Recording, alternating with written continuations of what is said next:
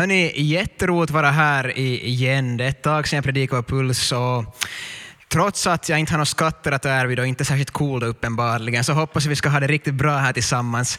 Um, mitt namn är, jag kan få en cool klicker, vad bra. Mitt namn är Benjamin Sandell ifall det är någon som inte ska råka träffa mig förut och uh, Ja, jag är 30 år gammal, jobbar deltid som präst här i Petrus och har stenhård rutin, tre månader ren liksom.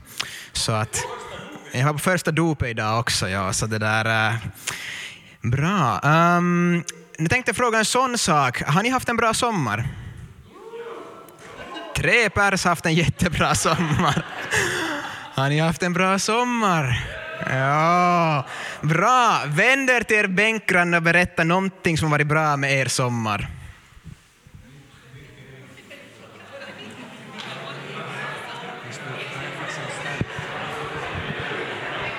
Tack.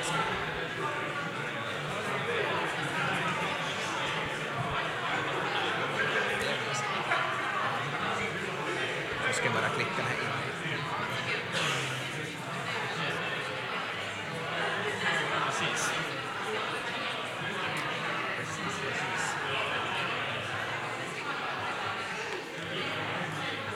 Ja, det ser ut att funka. Det ska vara en svart slide.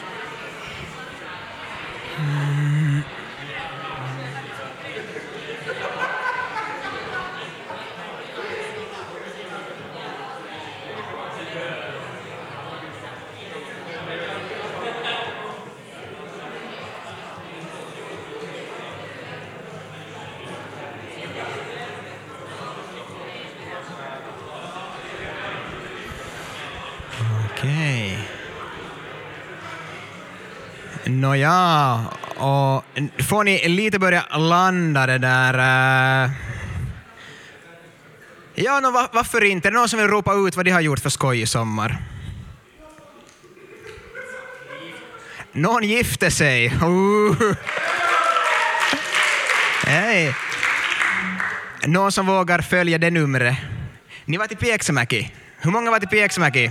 Ja, en del. Bra. Okej. Uh, någon ännu så känner bara att det här är min chans. Äntligen får jag dela med mig. Jag varit... Nej.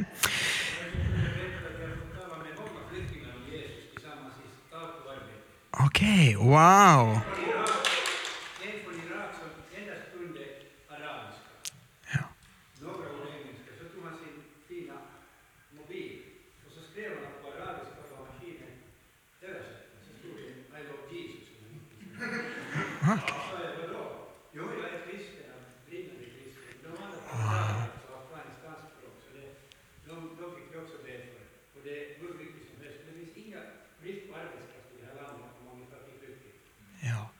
Wow.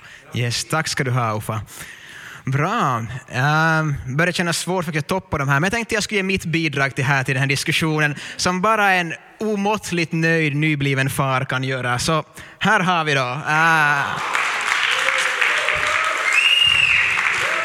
Yes. Uh, stort tack till Maria Hedengren som har fått av. Jag är glad över att det, liksom, det finns någonting av Usain Bolt tycker lite över honom, åtminstone det.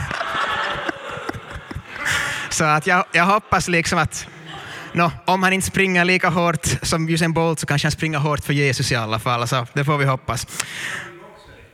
Det är ju också möjligt, ja. Yes. Bra, så det har varit vår sommar omtumlande tre veckor och så tänkte jag att vad är väl bättre än efter den här perioden att få dyka in i ett muntert tema som dagens. Så är det. Uh, vi har kommit till Lukas 21 i vår bibelläsning det där och uh, faktiskt så Lukas evangelium av alla evangelium är det evangelium som mest talar om ändens tid. Och man kan ju känna sådär att okej, det är lite ett märkligt tema att tala om direkt efter sommar, just när hösten ska börja, alla är ivriga. Men faktiskt så skulle jag föreslå att det är alltid alltid otroligt bra att prata om ändens tid. Och jag ska förklara vad jag menar. Det här betyder inte att jag är sådär superdeppig och liksom går omkring och säger att loppon lähellä åt alla. Det skulle jag också kunna göra. Utan jag tror att att fundera över vad ändens tid verkligen betyder hjälper oss otroligt mycket i att komma på att hur ska vi leva som kristna. Det är inte så att ändens tid är bara någonting sådär någonsin. tvärtom så är det någonting som verkligen informerar vårt liv som lärjungar. Så vi ska ta och se på en text tillsammans, den är hämtad ur Lukas kapitel 21, vers 5-19. Och nu märker jag att det här var ju jättebra layout på texten, eller hur? Alla ser tydligt. Um, om ni inte ser så ber jag om ursäkt, men jag ska läsa den. Så här står det. Nå, när några talade om hur templet var utsmyckat med vackra stenar och tempelgåvor sade Jesus, detta som ni ser, det ska komma dagar då här inte lämnas sten på sten, allt ska rivas ner. Då frågade de honom, Mästare, när ska det ske? Och vad blir tecknet när det ska hända? Han svarade, Se till att ni inte blir vilseledda. Många ska komma i mitt namn och säga, jag är Messias och tiden är nära. Följ dem inte. Och när ni får höra om krig och uppror, så bli inte förskräckta. Sådant måste först hända, men slutet kommer inte genast. Sedan sade han till dem, folk ska resa mot folk och rike mot rike. Det ska bli stora jordbävningar och svält och pest på den ena platsen efter den andra och skrämmande syner och väldiga tecken från himlen. Men innan allt detta händer ska man gripa och förfölja er. Man ska utlämna er åt synagogor och fängelser och ställa er inför kungar och ståthållare för mitt namns skull. Då får ni tillfälle att vittna. Bestäm er för att inte förbereda något försvarstal, för jag ska ge er en mun och en vishet som ingen av våra fiender ska kunna stå emot och säga emot. Ni kommer att bli förrådda till och med av föräldrar och syskon och släktingar och vänner, och en del av er ska man döda och ni kommer att bli hatade av alla för mitt namns skull, men inte ett hår på ert huvud ska gå förlorat. Genom att stå fasta ska ni vinna era själar. Ska vi bara be kort ännu och så dyker vi in i texten. Tack Herre för att det står i ditt ord att ditt ord är levande och verksamt. Det är skarpare än något vägats svärd, så det stränger genom både själ och märg. Och, jag, och så det uppenbara hjärtats uppsåt. Och jag ber Herre att du skulle ta visa åt oss, Herre, att var du vill komma in med din sanning. Tack Herre för att din sanning är alltid god, den är mild, eh, den är full av kärlek mot oss och du vill att vi inte ska leva i falskhet, utan vi ska tänka rätt om oss själva, om dig, om vår värld. Och jag ber Herre att du skulle använda de tankar, det det som du talar direkt in till oss genom det här ordet, för att bygga upp oss, för att utrusta att leva som dina lärjungar i vår tid. I Jesu namn. Amen. Yes. Um, när man tar sådana här texter så finns det alltid liksom en frestelse. Och det där är en frestelse att börja spekulera väldigt mycket om att när kommer ändens tider. Det finns människor som har gjort otroliga tabeller och räknat upp datum och så vidare för att kolla att när kommer slutet att komma. Och jag blir alltid lite obekväm när folk gör det. Uh, orsaken jag blir obekväm är att Jesus säger uttryckligen, men om den dagen eller stunden vet ingen något, inte himlens änglar, inte ens sonen, ingen utom fadern. Det här säger han i Markus evangeliet.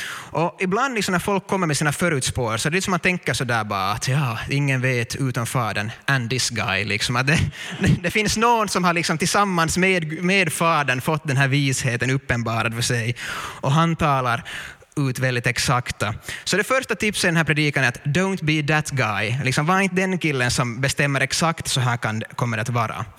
Ehm, um, som många av er vet har jag studerat teologi alldeles för länge. Det, det har sina sidor, men det gör att man läser mycket intressant också. Och faktiskt för många, många år sedan jag läste en bok om Luther. Och Luther, intressant nog, mot slutet av sitt liv så var övertygad om att ändens tid är precis nu här. Och man kan förstå det. Den kristenhet som han kände då höll på att rasa, turkarna stod för dörren, som de kallar dem då, det här är inte liksom ett ståndpunkt, utan läser Luthers texter står det att om det så vore turken själv, liksom, som då är det symbolen för antikristus för Luther ofta. Och man kan förstå hans världsbild. Men det intressanta var att han började göra beslut utgående från sin bedömning av vilken tid han lever i. Han skulle ha haft möjlighet att föra samtal med de reformerade, det vill säga Zwingli, Calvin och det här gänget. Men han tänkte att ändens tid är ändå så nära, så det är inte riktigt värt att ta risken att glida in i heresi. Så att han lät bli att ha såna förenade samtal, samtal som skulle kunna leda till att protestantismen skulle vara mindre splittrad. Och det gjorde han för att de trodde att det egentligen är nära slutet nu, så det är ingen idé att göra något sånt. Och ibland så tänker man, what if? Vad om Luther skulle bestämt sig för att ändå ha de här samtalen? Vad om han inte skulle ha bestämt sig så och sagt att det är den här tiden vi lever i? Vad skulle ha hänt? Kan hända att ingenting annat, de kanske bara ska haft ett samtal och blivit oense och så ska det sett ut precis som förr. Men hur som helst, ni förstår tanken att ofta gör vi snabba bedömningar utgående från bristfällig information om vilken tid vi exakt lever i. Och eh, det gör att ibland så vandrar vi inte längre i sanning, utan vi vandrar i vad det som vi tror att är sanning, som vi har konstruerat själv. Men det betyder inte att mitt budskap här idag är att no men, med tid så att det kommer sen någon, man behöver inte bry sig. Jag tror inte Jesus ger möjlighet till någon dera. Det finns två diken. Det ena är att vara så upptagen av ändens tid att man egentligen inte gör någonting vettigt i den tid som är nu. Det andra alternativet, att man är på något sätt så upptagen med den här tiden nu så att man egentligen glömmer bort den värld som ska komma. Och som så ofta så kallar Jesus att leva i mitten av den här spänningen. Att inte välja antingen eller, utan leva med både och. Så vi ska se på tre sådana tankar som jag plockar ut i den här texten här idag. Uh, tre tankar om världens slut, här titulerade muntert. Uh, den första är, här ska inte lämnas sten på sten. Den andra är, inte ett hår på ett huvud ska gå förlorat. Och den tredje, slutet kommer inte genast. Tre tankar som jag tänker plocka ur den här texten och hoppeligen ska det vara till nytta för oss alla. Den första punkten, här ska inte lämnas sten på sten. Uh, hela den här textavsnittet börjar med att Jesus hör en diskussion om templets skönhet. Och Jesus reagerar med att säga allt ska rivas ner. Och ibland kan det kännas som att Jesus är lite ibland en baskill, liksom, att folk har ett bra samtal på gång och så kommer liksom Jesus in där och så där döda stämning och säger att hej, allt kommer att rivas ner, här ska inte lämnas sten på sten. Och det är inte den enda gången Jesus gör det, utan ibland när han går på fest så kan det vara så där att han förolämpar världen, han förolämpar gästerna, så tyckte han det här var en bra fest, så går han vidare. Och det är där folk sådär, okej okay, Jesus, vad är det här? Och det verkar faktiskt förvånansvärt ofta som att Jesus är inte intresserad av small talk. Han är inte intresserad av att paja och säga att men vad roligt för dig och så vidare, utan han går ganska rakt på sak.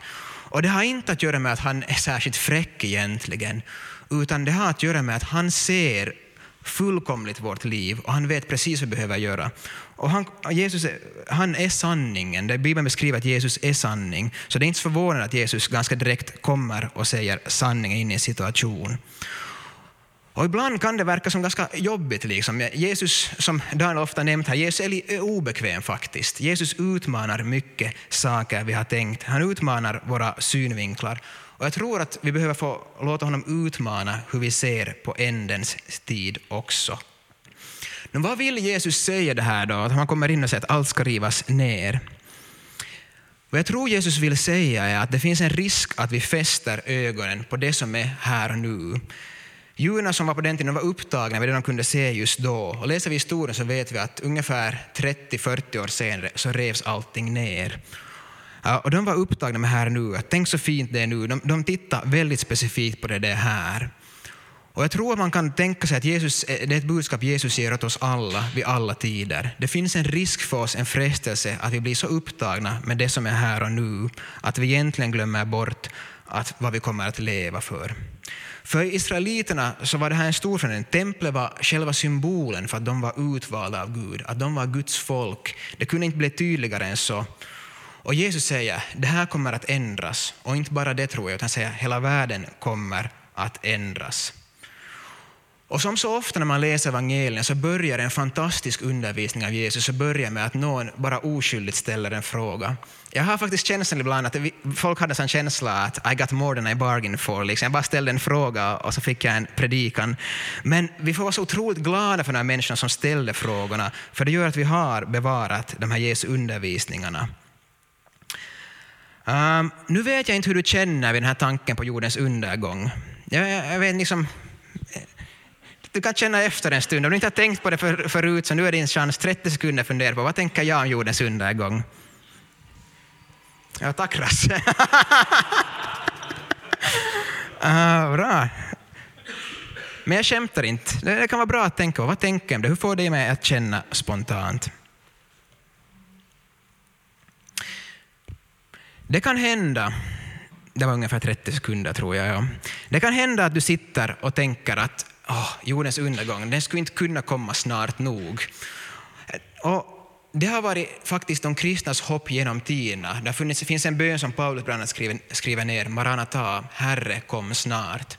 Det kan hända att du sitter och tänker att det skulle inte kunna hända snart nog att jorden går under. Ah, men det kan också hända att du sitter här och tänker att eh, det här låter inte alls särskilt bra. Du kanske tänker att vad för sorts Gud skapar en värld som han sen förstör? Det kan hända att den här tanken på jordens undergång inte alls känns särskilt bekväm. Och ifall du tänker så, och det här är då åt dig ifall du sitter här och funderar på den här saken, så vill jag ge dig ett lite annat perspektiv. För man kan lika gärna fråga den här frågan, att vilken sorts Gud ser världens nöd, brist och ondska och gör inget åt saken? Man kan ställa det som en motfråga. En Gud som bara ser på när människor skadar varandra, som skäl från varandra och begår folkmord. Man måste fråga, hur kan han vara god och Gud? Det här är det som vi kallar för lidandets problem, som är en komplicerad fråga. Men det vill säga åt dig att när man funderar på den här frågan så lägger folk ofta fram alternativ, att antingen är god Gud och han är inte allsmäktig, eller så är han inte inte god. Han är, alls, han är allsmäktig men inte god. Men det finns ett tredje alternativ som ofta glöms bort i debatten. Och det är det att Gud kanske är allsmäktig och han är god och han kommer att göra någonting åt saken. Han kommer ännu en gång att se till att allt blir rätt. Och världens slut blir faktiskt på ett märkligt sätt egentligen goda nyheter. För det betyder att vid världens slut gör Gud en gång för alla upp med ondskan. Det är då han en gång för alla öppnar sina böcker där han noggrant antecknar allt som har hänt i världshistorien. Det är lite Bibelns bild här. Um, och så tar han och gör rättvisa med allting. Och jag tycker det är otroligt skönt på ett sitt, sitt sätt. Det är otroligt skönt för att, jag vet inte om ni har försökt fälla en rätt dom om en situation, och man kommer alltid på tusen faktorer. Ja, men han hade en jobbig uppväxt, det var så där och det var så där. Och jag kan inte veta allting. Och jag behöver inte heller, för att Gud vet precis allting och han kommer att precis döma rättvist i varenda situation. Han, han, han är kompetent att vara domare och vi är inte, och det tycker jag är otroligt skönt. Så att världen går under, hur märkligt den låter, är faktiskt goda nyheter. Kan vi ta på det så bara glada här bara, världen går under, är ni med? Yeah! Bra, världen går under, det är goda nyheter. Och det är goda nyheter för att Gud kommer en dag att skapa en ny värld. Så här står det i Uppenbarelseboken 21, vers 1-4. Och jag såg en ny himmel och en ny jord. Den första himlen och den första jorden var borta och havet fanns inte mer. Och jag såg den heliga staden, det nya Jerusalem, komma ner från himlen, från Gud, redo som en brud som är smyckad för sin man. Och jag hörde en stark röst från tronen. Se, nu står Guds boning bland människorna. Han ska bo hos dem, och det ska vara hans folk, och Gud själv ska vara hos dem. Och han ska torka alla tårar från deras ögon. Döden ska inte finnas mer, och ingen sorg, och ingen gråt, och ingen plåga. För det som förr var är borta. Och han som satt på tronen sade, se, jag gör allting nytt. Och jag vet inte hur det är, men att någonting tycker jag borde vakna här inuti och säga att ja, det där låter ganska bra. Gud kommer en dag att förnya allt på ett sådant sätt att det inte kommer att finnas någon gråt, någon plåga, någon sjukdom, någon sorg och vi kommer att få leva evigt i gemenskap med Gud. Om inte det gör oss ivriga för evangelium, för Jesus, så vet jag inte vad som kommer att göra det. Men samtidigt så lever vi kvar fortfarande i den här världen. Vi ser den framtidsvision Gud målar upp och vi vet att Gud kommer att göra upp med alla orättvisor, med all lögn, med lust, med själviskhet och så vidare. Och den delen av världens undergång som gör mig obekväm är inte den att Gud kommer att göra upp med alla orättvisor, det tycker jag är fantastiskt bra. Den del som gör mig obekväm är att jag är en del av världens problem. Den delen gör mig väldigt obekväm när jag tänker på jordens undergång ibland. Och det är det som Jesus kommer in här på, att det kommer att komma jobbiga tider också i världen. Um, Jesus säger inte bara att allt kommer att bli bättre, mycket kommer att bli bättre, men allt kommer inte att bli det. Men hopp är det här att Jesus säger det först den andra punkten är, inte ett hår på ert huvud ska gå förlorat. Genom den här texten så talar Jesus till en grupp som han kallar för ni, er. Han pratar till sitt gäng. Och man kan fundera att vad är det här för gäng och vad, är det för, vad kommer att känneteckna dem? Och jag tror att Jesus lägger in en antydelse om varför det kommer att ofta vara så utmanande för dem. Hela en textstycke så börjar med att Jesus pratar om templet. Templet var det sätt som judarna gjorde upp med sin del av världens problem. Det var dit judarna gick för att offra, för att se till att deras del i världens problem skulle bli försonat. Och Jesus kommer att säga att det här kommer att rivas ner. Och jag tror att Jesus gör det för att visa på att det kommer en tid när det kommer att komma ett nytt tempel som gäller alla människor på alla tider, på alla platser. Jesus ger en antydan i Johannes, Johannes 2 när han säger riv ner det här templet och så ska jag resa upp det igen på tredje dagen. Och han pratar om sig själv, sin egen kropp. Och Det som gör att vi kan prata om världens undergång med en otrolig trygghet är att vi behöver inte längre fundera på att hur kommer vi att fixa det med det här templet i Jerusalem. Utan det som gör att vi kan prata med en otrolig trygghet och ett självförtroende i hjärtat om världens undergång är att Jesus berättar att han är den, det bättre templet, han är det sanna templet. Israeliterna satt otroligt mycket tid ner på att hämta det perfekta offret till sitt tempel. De jobbade väldigt hårt för att de skulle på något sätt vara accepterade inför Gud. Och Jesus säger att killar eller tjejer, jag frambär det fullkomliga offret. Jag är den som ger mig själv för er så att ni ska kunna uppleva gemenskap med Gud. Och jag tror det är den här saken som framför allt ska känneteckna den här gruppen, ni, er, de kristna som Jesus beskriver, och som också förklarar varför kommer de att möta så mycket svårigheter. För det att Jesus säger att jag är det sanna templet, vi, det är liksom, jag ber om ursäkt för det är, liksom, det är church talk, det är det verkligen, att prata om att Jesus är det sanna templet. man säger bara, va? Men vad Jesus säger är att han vill egentligen säga att jag är vägen till Gud. Jag är den enda vägen till Gud. Jag är den som för er tillbaka till Fadern. Jag är den som för er in i den nya världen som Gud kommer att skapa. Och det är fantastiska nyheter för dem som litar på Jesus. Men det är också otroligt provocerande nyheter. Det finns många som inte alls tycker om budskapet om att Jesus är den enda vägen. Att Jesus kommer att säga att han är exklusiv, att jag är sanningen. Och det är en väldigt obekväm tanke, speciellt i vår tid och vår värld där vi är vana att tänka att sanning är mångfacetterat. Och man ska ofta nog skilja på det som är objektivt sant och det som man själv förstår. Det betyder att man behöver inte vara onyanserad. Men Jesus kommer in och han säger att jag är sanningen. Och han säger inte bara att ingen kommer till Fadern utan genom mig, utan han säger, gör också anspråk på att vara Herre. Och det för oss in i den här andra delen av texten som kanske på sitt sätt är lite mindre bekväm, där han säger att man ska gripa er och följa er, man ska utlämna er åt synagogor och fängelser och ställa er inför kungar och ståthållare för mitt namns skull. Det kommer att komma en tid när människor tyvärr inte vill höra om Jesus. Och det, det här är liksom Jesus själv som säger det, så på det sättet behöver vi ta det på allvar. I vår värld idag så följs kristna mer än någonsin förr.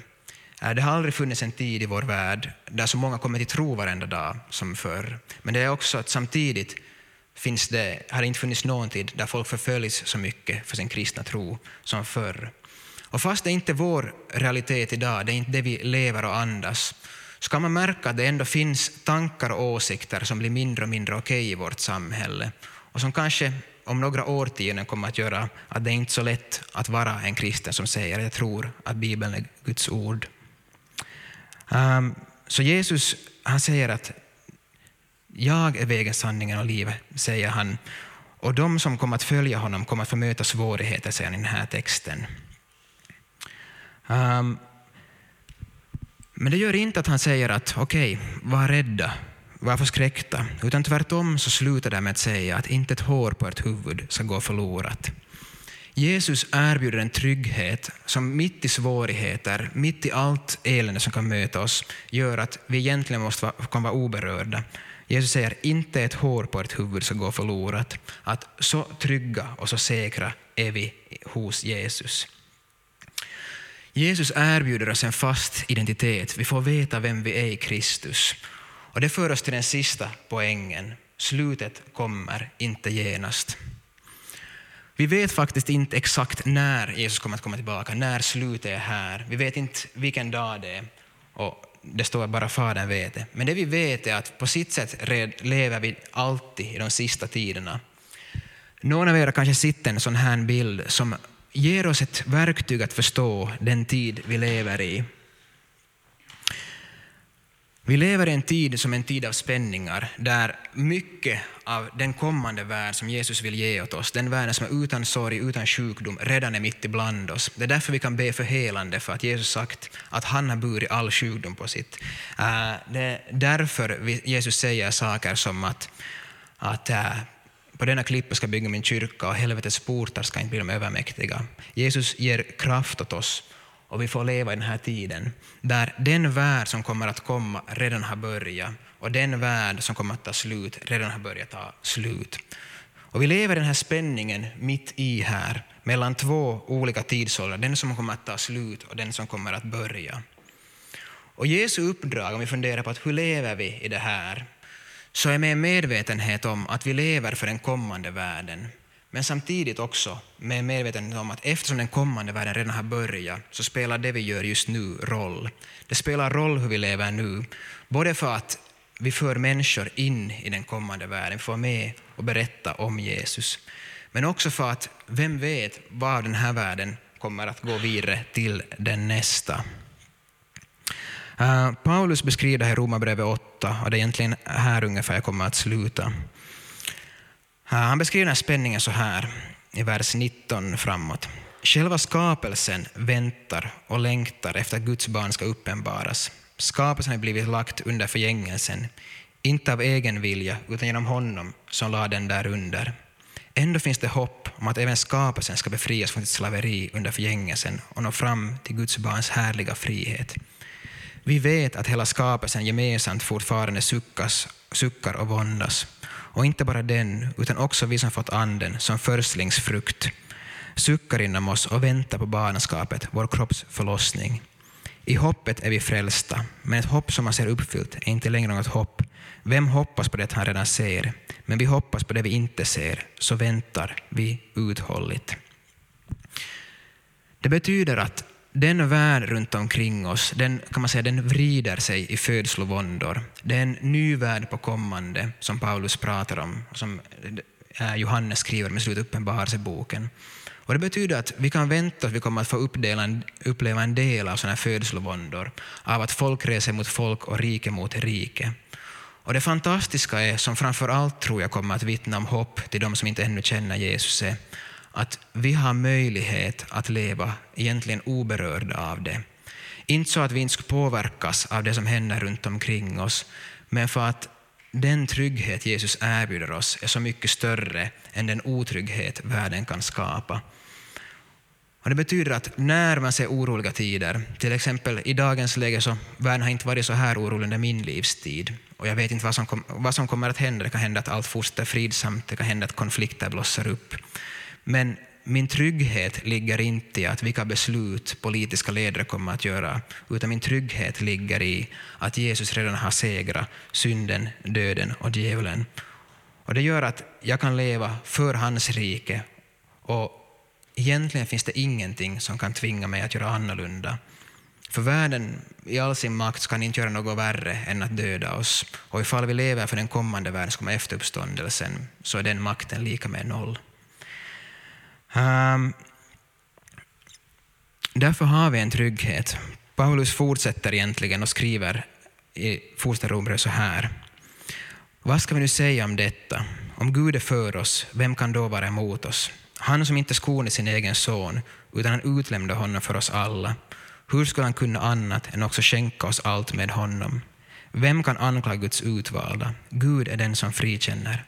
Vem är det som fördömer? Kristus Jesus är den som har dött, ja än mer den som blivit uppväckt och sitter på Guds högra sida och vädjar för oss. Vem kan skilja oss från Kristi kärlek, nöd eller ångest, förföljelse eller svält, nakenhet, fara eller svärd? Det står ju skrivet, för din skull dödas vi dagen lång, vi räknas som slaktfår. Men i allt detta vinner vi en överväldigande seger genom honom som har älskat oss. För jag är viss om att varken död eller liv, varken änglar eller furstar, varken något som nu är eller något som ska komma, varken makter, höjd eller djup eller något annat skapat ska kunna skilja oss från Guds kärlek i Kristus Jesus, vår Herre. När vi funderar på ändens tider och när vi funderar på hur vi ska leva så är det egentligen den här attityden vi behöver, både för vår egen skull, växa i. Att ingenting kan skiljas från Guds kärlek, Kristus Jesus. Och det är den här kärleken vi behöver vittna om ute i världen. Att det finns en kärlek, det finns en förlåtelse som är oberoende av död, sjukdom eller allt elände vi kan möta.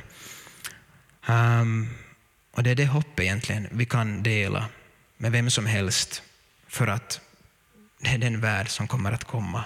Det är dit vi är på väg. Uh, vi ska ta och be tillsammans förrän vi går in i nattvarden. Tack Herre för att uh, jag får be att din kraft och din styrka ska få bli synlig eh, både trots och genom min egen svaghet. Jag ber Herre att det som är från dig, Herre, som du har velat ge idag, så ska få bli kvar och bära frukt. Och det som inte var från dig, så skulle få falla bort. Men nu ber jag Herre att du skulle tala till oss, du skulle komma och möta oss under den här gudstjänsten. Jag ber Herre att eh, om det finns sådana här som på något sätt känner att det här bibelstället som står i Johannes 4, det gärna ska vara mer verkligt, där det står att, att den fullkomliga kärleken driver ut all rädsla, ty rädsla hör samman med straff.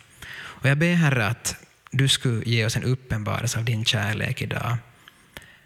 Um, där det finns rädsla, Herre, för den sista dagen, så ber jag Herre att du ska komma och visa att du har redan tagit den sista dagen på dig för vår skull. Jag ber Herre att du ska komma och ge den här vissheten som säger att ingenting kan skilja mig från Guds kärlek i Kristus Jesus. Så ber jag Herre att du skulle göra oss hoppfyllda och vi skulle bli frimodiga att kommunicera hoppet om dig Jesus. Jag ber Herre att eh, du skulle hjälpa oss att i våra hjärtan meditera över hur stort och otroligt vårt hopp är. Att en dag kommer du att samla hela ditt folk i en ny värld. Jag ber Herre att du skulle göra oss kreativa, glada Herre i vårt vittnesbörd om dig och det hopp du erbjuder. Jag ber Herre att du ska komma och möta oss här i nattvarden när vi firar den måltid som mer än något annat symboliserar att du steg in i världens smärta och du övervann den. Tack Herre för det du gör, tack för ditt ord och tack Herre för att vi får vara dina.